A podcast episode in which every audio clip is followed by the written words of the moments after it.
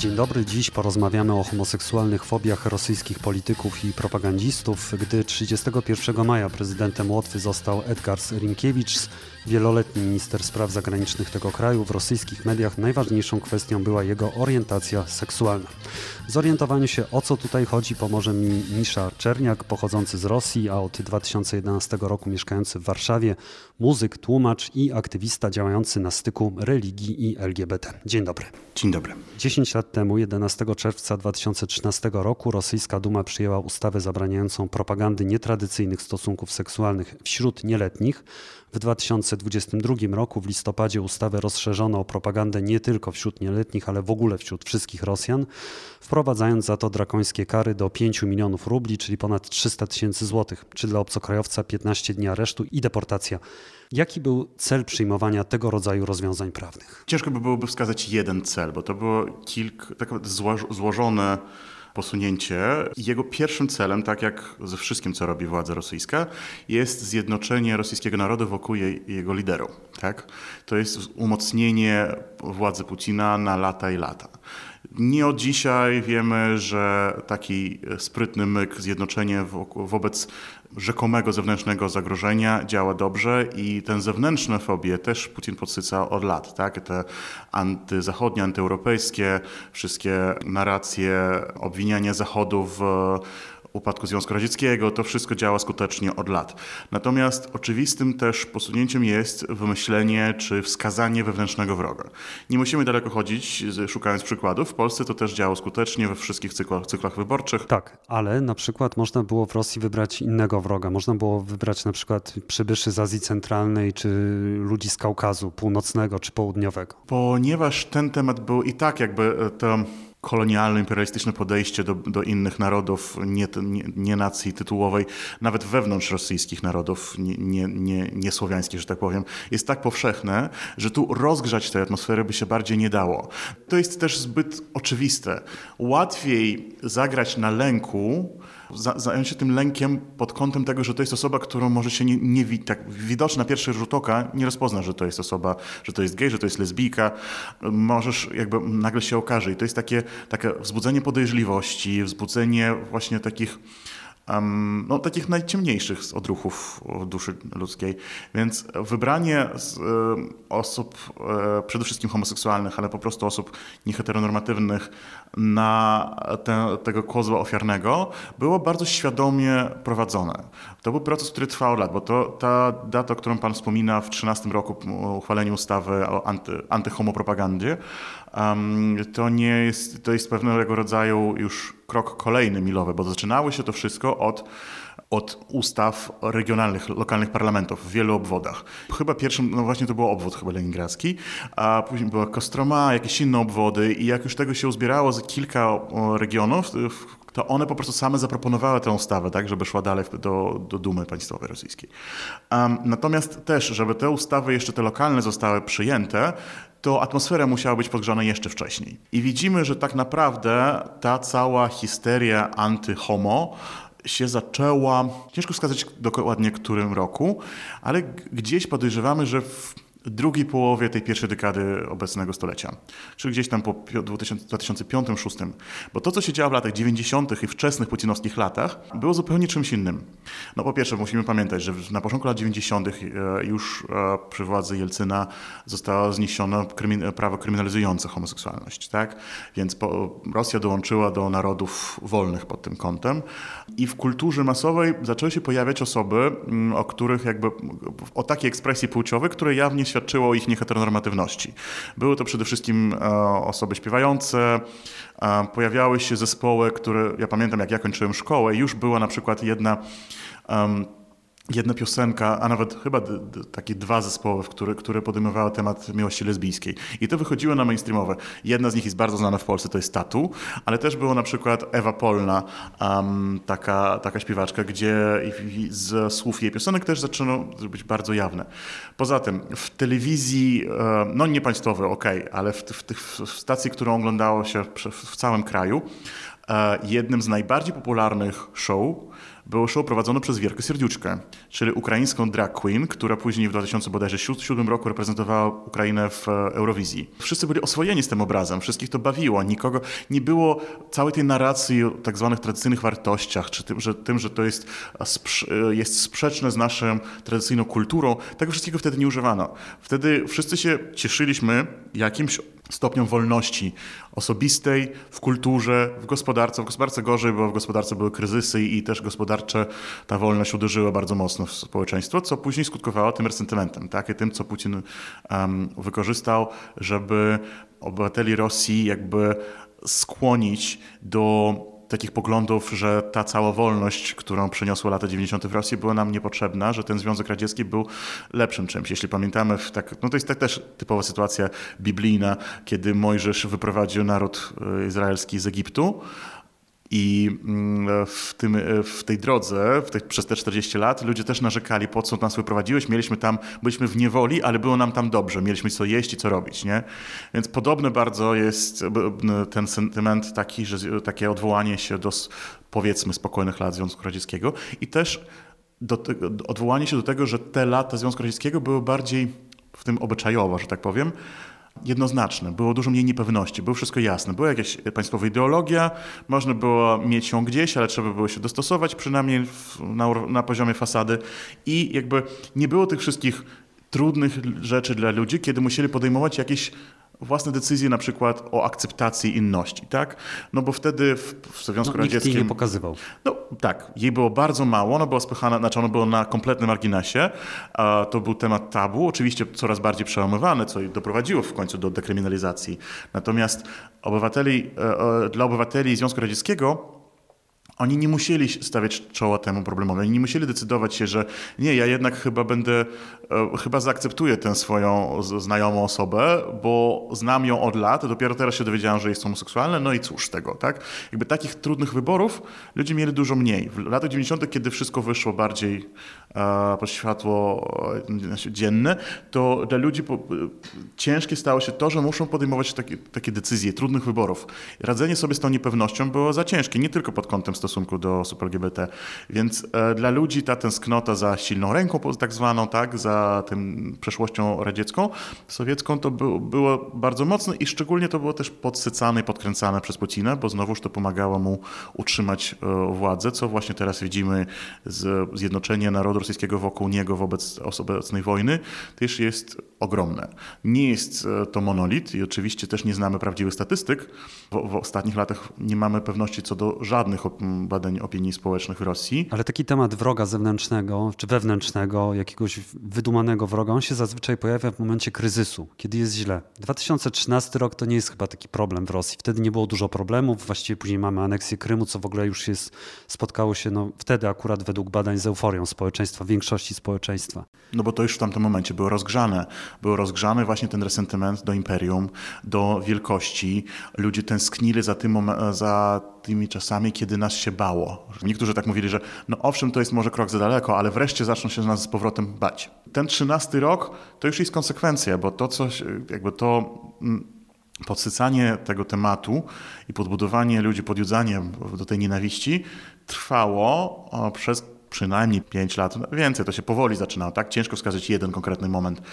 Co jest ważne, że to był moment, no bo pamiętamy, w 2008 roku to był moment e, prezydenta Medwiediewa. Tak? I to był moment, kiedy Putin na chwilę niby wypuścił władzę z rąk i to była decyzja, że on chce jakby wrócić do tego wszystkiego. Tak? To, z tego co rozumiem, to był też moment, gdzie, gdzie on musiał bardzo się zastanawiać, na, jak, na jakim koniu wjedzie w tę swoją nową kadencję, w zmiany, których później chciał wprowadzić, zmianę konstytucji, jak wiemy, które były uchwalone kilka lat temu, z tym, żeby pozwolić mu rządzić i rządzić w nieskończoność. Więc te, te wszystkie elementy swojej gry politycznej on rozpracowywał dużo wcześniej. Jakby wykorzystanie tematu LGBT było dla niego też bardzo świadomym elementem tej gry. Co jest ciekawe, wśród jego ekipy, która to wszystko wdrażała, są osoby LGBT. I, i Putin też był pytany przez lata przez dziennikarzy, tak, o stosunku do osób LGBT. On mówił, że no ja mam wśród swoich funkcjonariuszy osoby homoseksualne i dla mnie to nie robi różnicy. To jest bardzo podstępne stwierdzenie, ponieważ to, co tak naprawdę tam się działo, to jest, że osoby homoseksualne wśród, wśród najwyższych szczebli władzy, dyrektor Sberbanku, czy mm, osoby z administracji prezydenckiej, czy osoby na czele mm, parlamentu, to wszystko osoby znane, a które się nie autują, tylko o których no, społeczność LGBT wie, bo czasami ich widuje, czy tam ma, ma kogoś znajomego, ciotkę, brata, którzy widzieli. Jakby to jest takie tajemnice policzynele. Natomiast oni po pierwsze nie uważają siebie za część społeczności, słowo LGBT też nie lubią. Mogą najwyżej powiedzieć, że są homoseksualnymi osobami, ale oni są z tej frakcji tak zwanej, którzy się nie obnoszą, nie chodzą na parady, bo po co, po co się ten. Ja cicho w domu pokryjomu, tak zwane. To, I to jest taka bardzo symbioza tej narracji homofobii, w tych białych rękawiczkach, e, łączącej się z uwewnętrznioną homofobią takich osób. Tak, że to są osoby, które ulegają tej zewnętrznej presji, żeby się nie e, autować i żeby nie pokazywać i żeby, nie, nie daj Boże, nie, nie walczyć o żadne prawa, tak? Bo te osoby mają taki przywilej, że na swoim poziomie władzy wysokim, na tym szczeblu, nie potrzebują załatwiania spraw na przykład ze swoją osobą partnerską, nie muszą załatwiać rzeczy, nie potrzebują ślubu, tak? Mogą załatwić w jakiś inny sposób. Ich nie dotyczą zwykłe problemy zwykłych ludzi, tak na przykład, że nie wiem, ja obecnie w Polsce, jeśli mój partner trafi do szpitala, mogę mieć trudność z odwiedzaniem go, tak? Jeśli nie jestem jego rodziną w, żadnych, w żaden sposób według polskiego prawa. W Rosji to jest jeszcze gorzej, bo w Polsce po prostu bardziej empatyczne podejście do ludzi. W Rosji w systemie opieki zdrowotnej z empatią jest bardzo krucho i na przykład tam, żeby się dostać do swojego partnera w szpitalu, mm, trzeba dawać łapówki przede wszystkim. Na tym polega system. Osoby na poziomie, czy tam dyrektoru Sberbanku, czy inni, oni nie mają tego problemu, bo przy takich resursach, zasobach, które mają, ich nie dotyczą trudności życia codziennego osób LGBT i dlatego oni też nie, nie odczuwają tej potrzeby walki. Tak? Jakby na tym polega przywilej. Tak? Myśleć, że to, co mnie nie dotyczy, nie dotyczy nikogo. Tak? Że ja, ja, ja mam to dużo, dobrze i jakby, no i po co? Oni, oni jakby też są elementem układanki Putina. To w Polsce też bodajże Korwin-Mikke kiedyś mówił, że są geje, a są homosie, też tak jak w narracji polskich polityków prawicowych, tak? Że jest odróżnianie tych dobrych homoseksualistów, nienawidzę tego słowa, um, od um, tych złych, którzy są krzykliwi, wychodzą na ulicę, parady i tam dalej już cała ta otoczka tak zwanych piór więc to jest e, część, która też w Rosji się zadziała, bo nie można powiedzieć, że w Rosji nie funkcjonuje społeczność LGBT. W pewnym sensie funkcjonuje, są kluby. One nie są zamykane przez władzę. Natomiast jeśli tylko pojawia się jakakolwiek narracja neutralna, wskazująca na taką samą równo, e, równą wartość związków heteroseksualnych, homoseksualnych, to to już jest karane. Tym bardziej jakiekolwiek pozytywne przykłady. Ostatnio słyszymy o tym, że już są mandaty streamingowym serwisom wlepiane za to, że nie usuwałem filmów, gdzie jest pokazana jakakolwiek miłość e, między osobami tej samej płci. I, tak z powodu samo tej wątki, nowej ustawy. Tak, tak z powodu tej nowelizacji ustawy, która już zakazuje propagandy wobec wszystkich grup. W sumie wiedzieliśmy od lat, że ta ustawa, ta nowelizacja nadejdzie, bo jakby stosowana ta jej wersja, że wobec nieletnich propaganda jest zakazana, była też bardzo szeroko. Po pierwsze, nikt nigdy nie zdefiniował, czym jest propaganda. Ta ustawa była specjalnie w rozmyty sposób tak sformułowana, żeby można było cokolwiek pod nią podciągnąć. I po drugie, troska o nieletnich to też jest bardzo tradycyjny sposób zagrywka e, ruchów populistycznych, konserwatywnych, fundamentalistycznych, żeby, że my ochronimy nasze dzieci. Właśnie się spodziewamy, że prawdopodobnie pod płaszczykiem ochrony dzieci teraz będzie ten cykl wyborczy w Polsce, to Rosja pod tym dokładnie pretekstem wprowadzała to prawo tak zwane przeciwko homopropagandzie. Ono było rozmyte i stosowane. I stosowane było w takie sposoby, znaczy też były wlepiane mandaty już, już od tych 11 lat też się działo, kary grzywny były. Natomiast były takie sytuacje, że odbywa się festiwal kina e, LGBT na dość małej platformie, w dość małych pomieszczeniach, ale no jakieś tam ze wsparciem ambasad i tak dalej i jest na pewno dla osób dorosłych. Wszędzie jest te, te markowanie 18+, jest nawet sprawdzanie paszportów przy wejściu niby. To się odbywa, ale i tak później jest jakiś donos, e, ktoś dzwoni na policję, bo kogoś mm, tak specjalnie pod, podsunięto, że wprowadzono jakiegoś nieletniego i przez to za zamykany cały festiwal. I to ja mówię już takim wprost wykorzystaniu tego tematu, bo odwołanie pokazów filmów przez to, że jest alarm bombowy, no to jest jakby w ogóle podstawowy sposób. Natomiast wykorzystanie tej ustawy było wprost.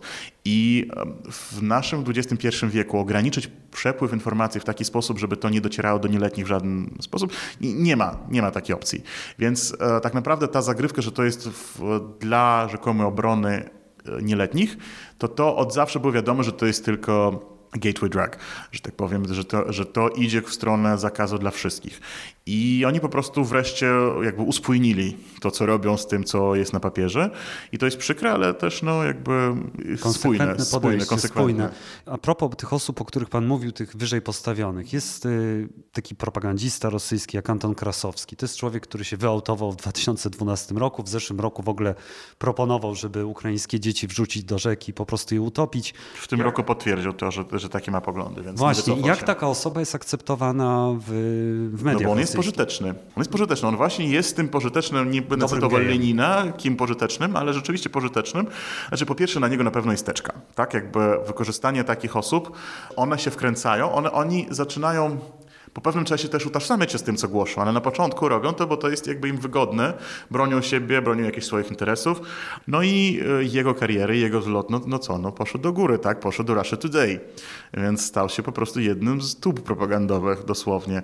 To jest niestety tak, jak ktoś ma jakieś właśnie zasoby albo posmakowo tej władzy i pieniędzy, to, to na tej igle później będzie no, siedział, tak? I, I z niej nie zejdzie i będzie głosił to coraz gorsze rzeczy, no bo propagandziści też z czasem się radykalizują. No to prawda, szczególnie teraz to widzimy w czasie wojny. Tak, i w Rosji, ale też no, propaganda w Polsce, w mediach państwowych też jakby nasila się, tak? Oni też posuwają się, jakby dno się przybija i przybije. I to jest wspólny los propagandzistów w każdym kraju. I w Rosji, no, Anton przebił kolejny. Co jest ciekawe, dno, który przebił Anton w zeszłym roku mówiąc o mm, dzieciach ukraińskich, okazało się o jeden krok za dużo nawet dla, dla firmy, w której pracował. Był zawieszony. Był zawieszony. Teraz nadal działa internetowo jakoś tam. Natomiast no to właśnie jego podejście do tematów LGBT nigdy nie było solidarnościowe z bardziej uciśnionymi niż on. Ale to, to, jakby no, to po prostu pokazuje w tej chwili złożoność obrazu takiej osoby. To jest tragiczny los, tak? I jakby osób, myślę, że los tych wysoko postawionych, czy tych funkcjonariuszy w polityce, czy w gospodarce rosyjskiej, którzy sami są osobami homoseksualnymi, to jest los o tyle tragiczny, no w sensie, że dra dramat jakiś za zaistniał w tym życiu, że człowiek miał jakieś szanse na to, żeby robić dobro wspólne, a zajął się dobrem wyłącznie swoim i najbliższego otoczenia. I to jest dramatyczne. Natomiast oczywiście obecnie no, powinniśmy rozpatrywać e, zarówno Antona, jak i innych e, funkcjonariuszy tamtego reżimu jako po prostu zbrodniarzy wojennych. I to na tym kończy się moja rozmowa o nich o, jako historii dramatycznej. Po prostu jakby pochylę się nad ich losem, więcej nie będę, tak powiem. To sąd się pewnie pochyli, miejmy nadzieję. Mam nadzieję. Trybunał. Mam nadzieję, że będę na tym trybunale tłumaczył. Jeżeli chodzi o kwestie religijne, bo to jest też ciekawe, prawda? Rosyjska cerkiew prawosławna chyba uczestniczy w tej budowie właśnie tych postaw takich anty-LGBT, to co słyszeliśmy zresztą od patriarchy Cyryla w zeszłym roku, po tym jak się zaczęła aktywna faza wojny, kiedy on mówił, że testem na przynależność do tego zachodniego świata jest zorganizowanie właśnie gay parady. Skąd się bierze aż tak duża fobia i ta narracja właśnie wśród y, duchownych prawosławnych? Ona jest wręcz, wręcz schizofreniczna, ta narracja, ponieważ odsetek biskupów w kościele rosyjskim prawosławnym, o których wiadomo, że uczestniczą w praktykach homoseksualnych, jest ogromny. To jest częściowo spuścizna tego, że KGB, które rządziło cerkiew rosyjską w, w, latach komunistycznych, bo ręcznie wybierali kandydatów na biskupów i tak dalej. To wszystko było załatwiane w sposób państwowy i Kościół rosyjski zawsze był pod piętą KGB.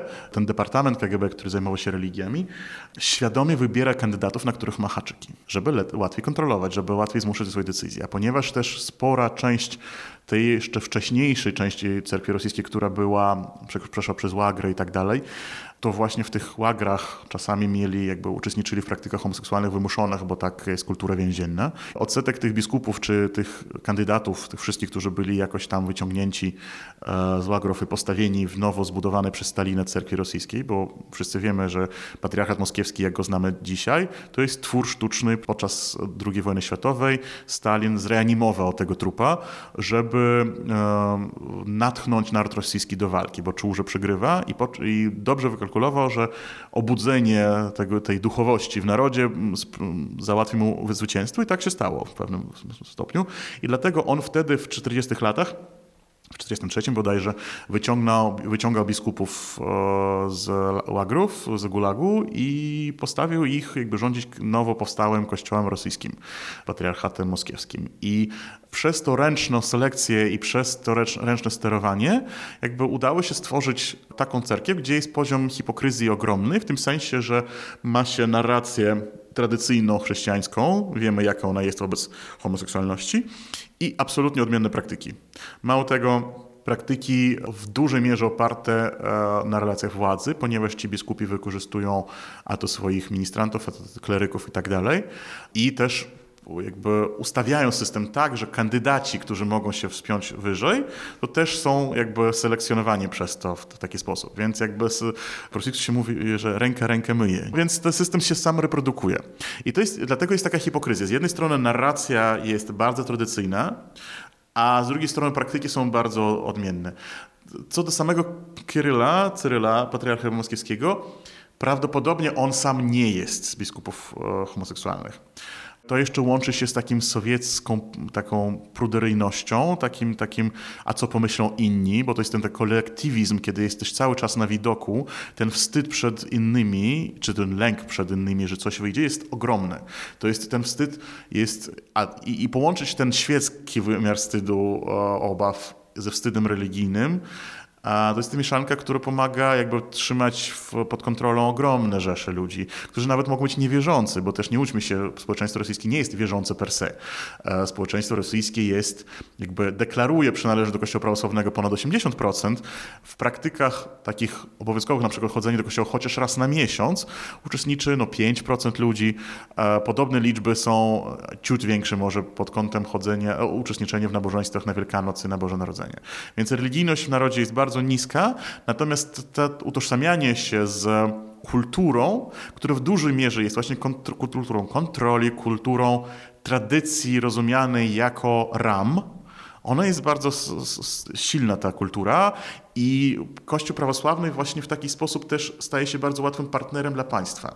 Znaczy nie tyle partnerem, partnerem to może za dużo powiedziane, bo partner coś daje, coś bierze. Nie? Kościół prawosławny i patriarcha myślą, że oni są partnerami w tej grze, ale zawsze, kiedy ołtarz idzie w sojusz z tronem, to ołtarz zawsze przygrywa, bo staje się narzędziem i nigdy nie ma takiej władzy jak tron.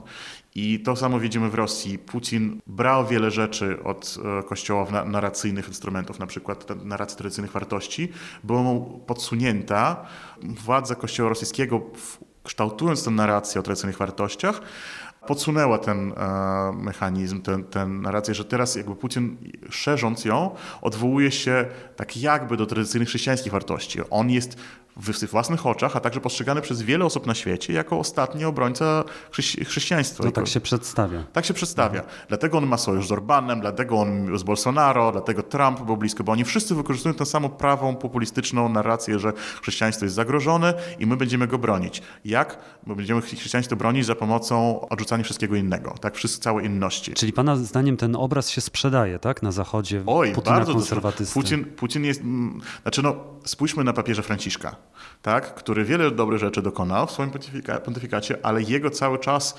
niestawienie się wystarczająco jednoznacznie po stronie Ukrainy w obecnej wojnie jest skutkiem tego, że on postrzega Rosję jako zostało mu to z jego jeszcze e, jakby tych lewo-południowoamerykańskich lat, zostaje mu to jako że Rosja jest jedyną alternatywą imperialistycznemu Zachodowi, czyli imperialistycznej władzy Stanów Zjednoczonych.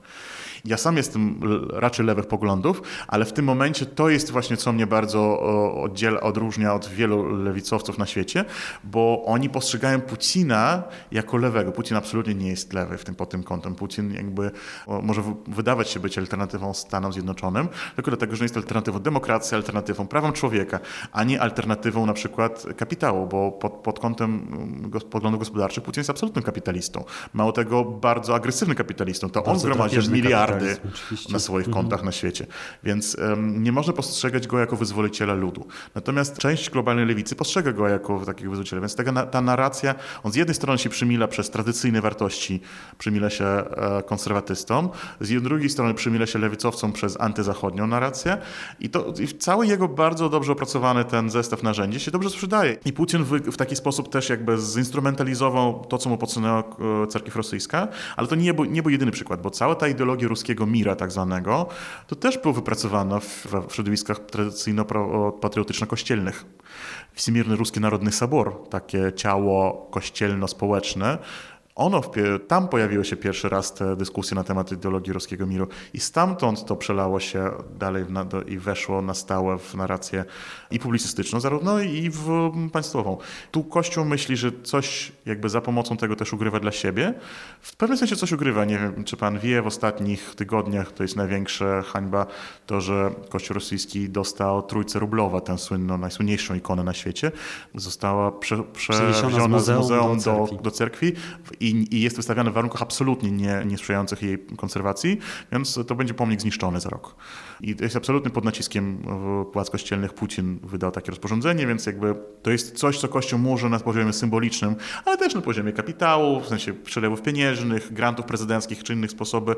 Poza tym no, in, interakcje na poziomie lokalny biskup, lokalny gubernator i tak dalej. To wszystkie przepływy finansowe i tej władzy symbolicznej trwają, więc Kościół jakby rzeczywiście coś ugrywa, ale zawsze ostatecznie Kościół w tym momencie staje się, znaczy jest wykorzystywany. Wspomniał Pan o kulturze więziennej. W kulturze więziennej te osoby właściwie najniższe, tak? Najniższej kategorii, ci opuszczeni, upuszczeni, wyklęci, tak? To są osoby homoseksualne i ta kultura więzienna jest chyba dość silna w Rosji, bo sama popularność Błatniaka, czyli tego szansonu takiego więziennego, to jest po prostu kultura popularna, to jest coś, co słychać w radiu. To chyba też jakoś wpłynęło na stosunek do osób LGBT. Tak, oczywiście. To jest kultura, no ona jest bardzo oparta na tym, to o czym mówiłem, archetypicznym takim wstręcie do praktyk homoseksualnych, które też jest ściśle związane z niewiedzą. Natomiast wszyscy wiemy, bo to nie jest e, też żadna nowość, żadne odkrycie, że w środowiskach, które są zamknięte i jednopłciowe, pojawia się homoseksualność tak zwana wymuszona, tak zwana sytuacyjna homoseksualność, czyli w więzieniu, wojsku praktyk homoseksualnych jest dużo więcej niż średnio w społeczeństwie. Sporo osób, które z tego wychodzą później, od tych praktyk już się ożegnuje i nigdy do nich nie wracają.